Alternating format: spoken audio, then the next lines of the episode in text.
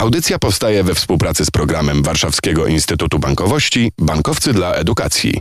Trzy grosze o ekonomii. Dzień dobry, Piotr Topoliński. W audycji dzisiaj startupy. Porozmawiamy o naszym kupowaniu w internecie i o technologiach, które rozwijają się na naszych oczach, czasem nawet dosłownie. Podczas niedawnego Cashless Congress mieliśmy okazję poznać kilka startupów, no i wysłuchaliśmy historii osób, które ze swoimi firmami próbują teraz podbić rynek i mają rozeznanie co do tego, co będzie trendy, co już jest naszym zwyczajem i myślę, że od tego zaczniemy. Tomasz Uściński i Michał Kiełpiński opowiedzieli o startupie Gizmi, a także o naszych zwyczajach, jeśli chodzi o kupowanie w internecie. 42% kupujących w sieci podejmuje decyzje zakupowe na podstawie Facebooka. Czy to jest post reklamowy, czy to jest post influencera, twórcy internetowego, czy to jest post również ulubionej fundacji, której chcielibyśmy przekazać nasze pieniądze, wesprzeć je. To po pierwsze. Ale chcielibyśmy też zobaczyć, co powoduje, że użytkownicy w sieci porzucają swoje zakupy. Przerywają proces zakupowy. Okazuje się, że 48% rezygnujących w sieci z zakupu e, czyni to po pierwsze dlatego, że musi wyjść z Facebooka na oddzielną stronę internetową musi założyć jakieś konto w sklepie, musi się zalogować, musi wypełnić jakiś formularz. Słuchajcie, znamy to z własnego życia. Chcemy kupić prostą treść w sieci, okazuje się, że mamy do uzupełnienia adres mailowy, imię, nazwisko, adres fizyczny, wiele pytań, które są nam zupełnie niepotrzebne. My znosimy te bariery. I na sam koniec zapytaliśmy użytkowników, czy chcieliby, czy byliby gotowi do tego, żeby dokonać płatności i odebrać zakupiony towar, przedmiot, e-booka czy szkolenie bezpośrednio w Facebook Messengerze. 43% respondentów że, odpowiedziała, że tak, chciałaby tego spróbować. To znaczy od kilku lat obserwujemy taki trend, że skuteczna sprzedaż e, w sieci no, odbywa się wtedy, kiedy jesteśmy bardzo blisko klienta, czyli musimy być z ofertą tam, gdzie aktualnie przebywa klient, potencjalny klient, a gdzie najczęściej przebywa w social mediach. I dlatego w Gizmi zamieniamy każdy produkt cyfrowy albo zbiórkę na rzecz fundacji w link. Ten link możemy opublikować w dowolnym miejscu w internecie. Może to być post na Facebooku, Instastory czy bio link na TikToku. Po kliknięciu w ten link użytkownikowi otwiera się jego własna aplikacja Facebook Messenger.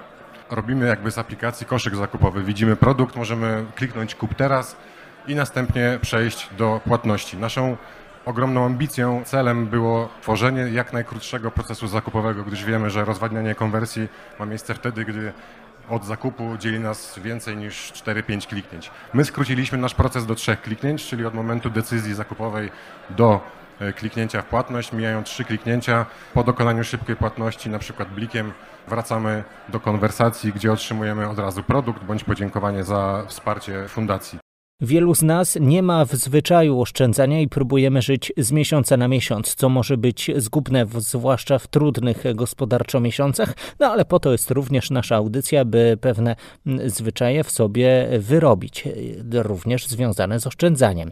Tomasz Palmi mówi o Maniki.io, to jest jeden z pomysłów na to, jak wykorzystać zjawisko grywalizacji w bankowości. Nasze rozwiązanie, biorąc dane z e-paragonów, będzie te budżety projektowało automatycznie i automatycznie będzie sugerowało, na czym i w jaki sposób najlepiej konkretny użytkownik może sobie oszczędzić. Ale wiemy też, że jest jeszcze jeden duży problem. I tym dużym problemem to jest, nawet jak już ktoś mi wszystko zaprojektuje i da mi na tacy, to zachowanie ciągłości oszczędzania, dyscypliny finansowej i tak jest piekielnie trudne. I tu wchodzi nasza grywalizacja. My się od kilku lat specjalizujemy, jak powodować, żeby nasz użytkownik chciał do aplikacji wracać, chciał realizować wyzwania i utrzymywał stabilną ścieżkę progresu.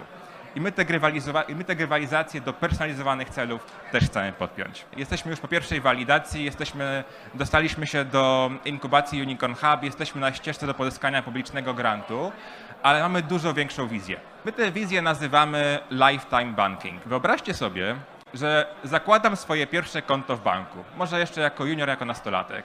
Ja wtedy mogę chcieć na przykład oszczędzić trochę więcej kieszonkowego, może chcę jeść trochę zdrowiej, ok, przytnę na fast foodzie. Bank mi w tym pomoże, pokaże mi jak na tym mogę oszczędzić.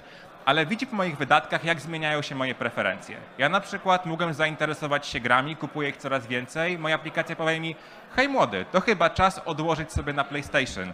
Tu jest ścieżka, w jakiej, jakiej, w jakiej możesz to zrobić. W miarę jak rozwijają się moje preferencje, w miarę jak zmieniają się moje zainteresowania, mój bank podpowiada mi, teraz chyba czas na twój pierwszy samochód, czas na wkład własny, czas na przygotowanie do nadejścia się twojego dziecka. Wiemy to dzięki absolutnemu bogactwu danych, które gromadzimy przez cały lifetime usera w naszej aplikacji. Dla mnie jako dla użytkownika to oznacza całkowicie inną jakość kondycji finansowej i całkowicie inną świadomość finansową, nawet dla osoby, która w tych tematach dzisiaj jest kompletnym laikiem. Ale dla banku to są też bardzo wymierne korzyści. Po pierwsze, to jest absolutna zmiana optyki.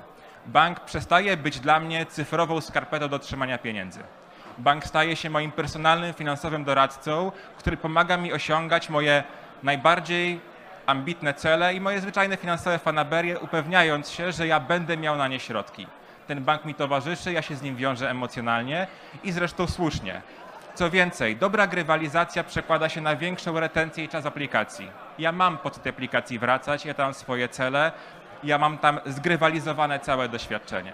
Ale to jest też dużo niższy czern.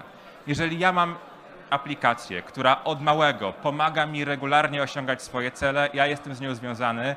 Ja jej nie porzucę, bo zobaczę w tym tygodniu ciekawszą promocję, bo też straciłbym absolutnie całą ścieżkę swojego progresu i wszystkie te informacje, które pozwalają coraz lepiej dopasowywać moje cele mojemu bankowi. Barbara Mróz-Gorgoń z PayEye podkreśla, że to przyszłość naszego płacenia, bo nie musimy mieć wielu rzeczy przy sobie, wystarczy mieć oczy szeroko otwarte. To firma technologiczna, która opiera swoje rozwiązanie na fuzji biometrii tęczówki oka, jak i twarzy.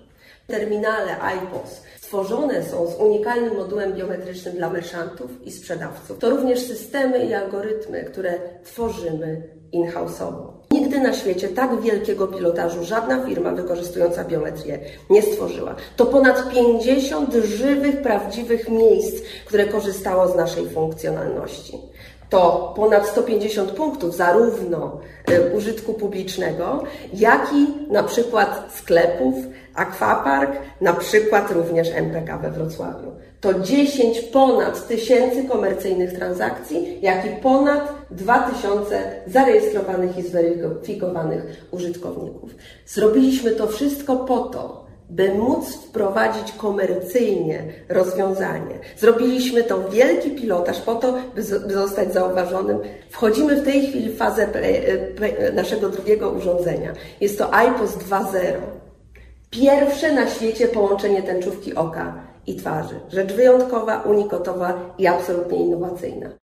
Jak słyszycie, startupy potrafią wykorzystać nowe technologie, te, które już znamy, a także wykorzystać tę wiedzę o naszych zwyczajach zakupowych, firmowych, by rozwijać coś więcej. I tutaj mamy tego przykłady. Gizmi, Maniki i PayEye to są trzy przykłady, o których mówiliśmy w programie. Zachęcam, jeśli są startupy, które wy dostrzegacie, waszym zdaniem są ciekawe, to proszę bardzo. Trzy grosze o ekonomii to podcast, który warto znaleźć w internecie, w ulubionych aplikacjach z podcastami. Tam można też znaleźć kontakt do nas. Zachęcam do wysyłania pomysłów.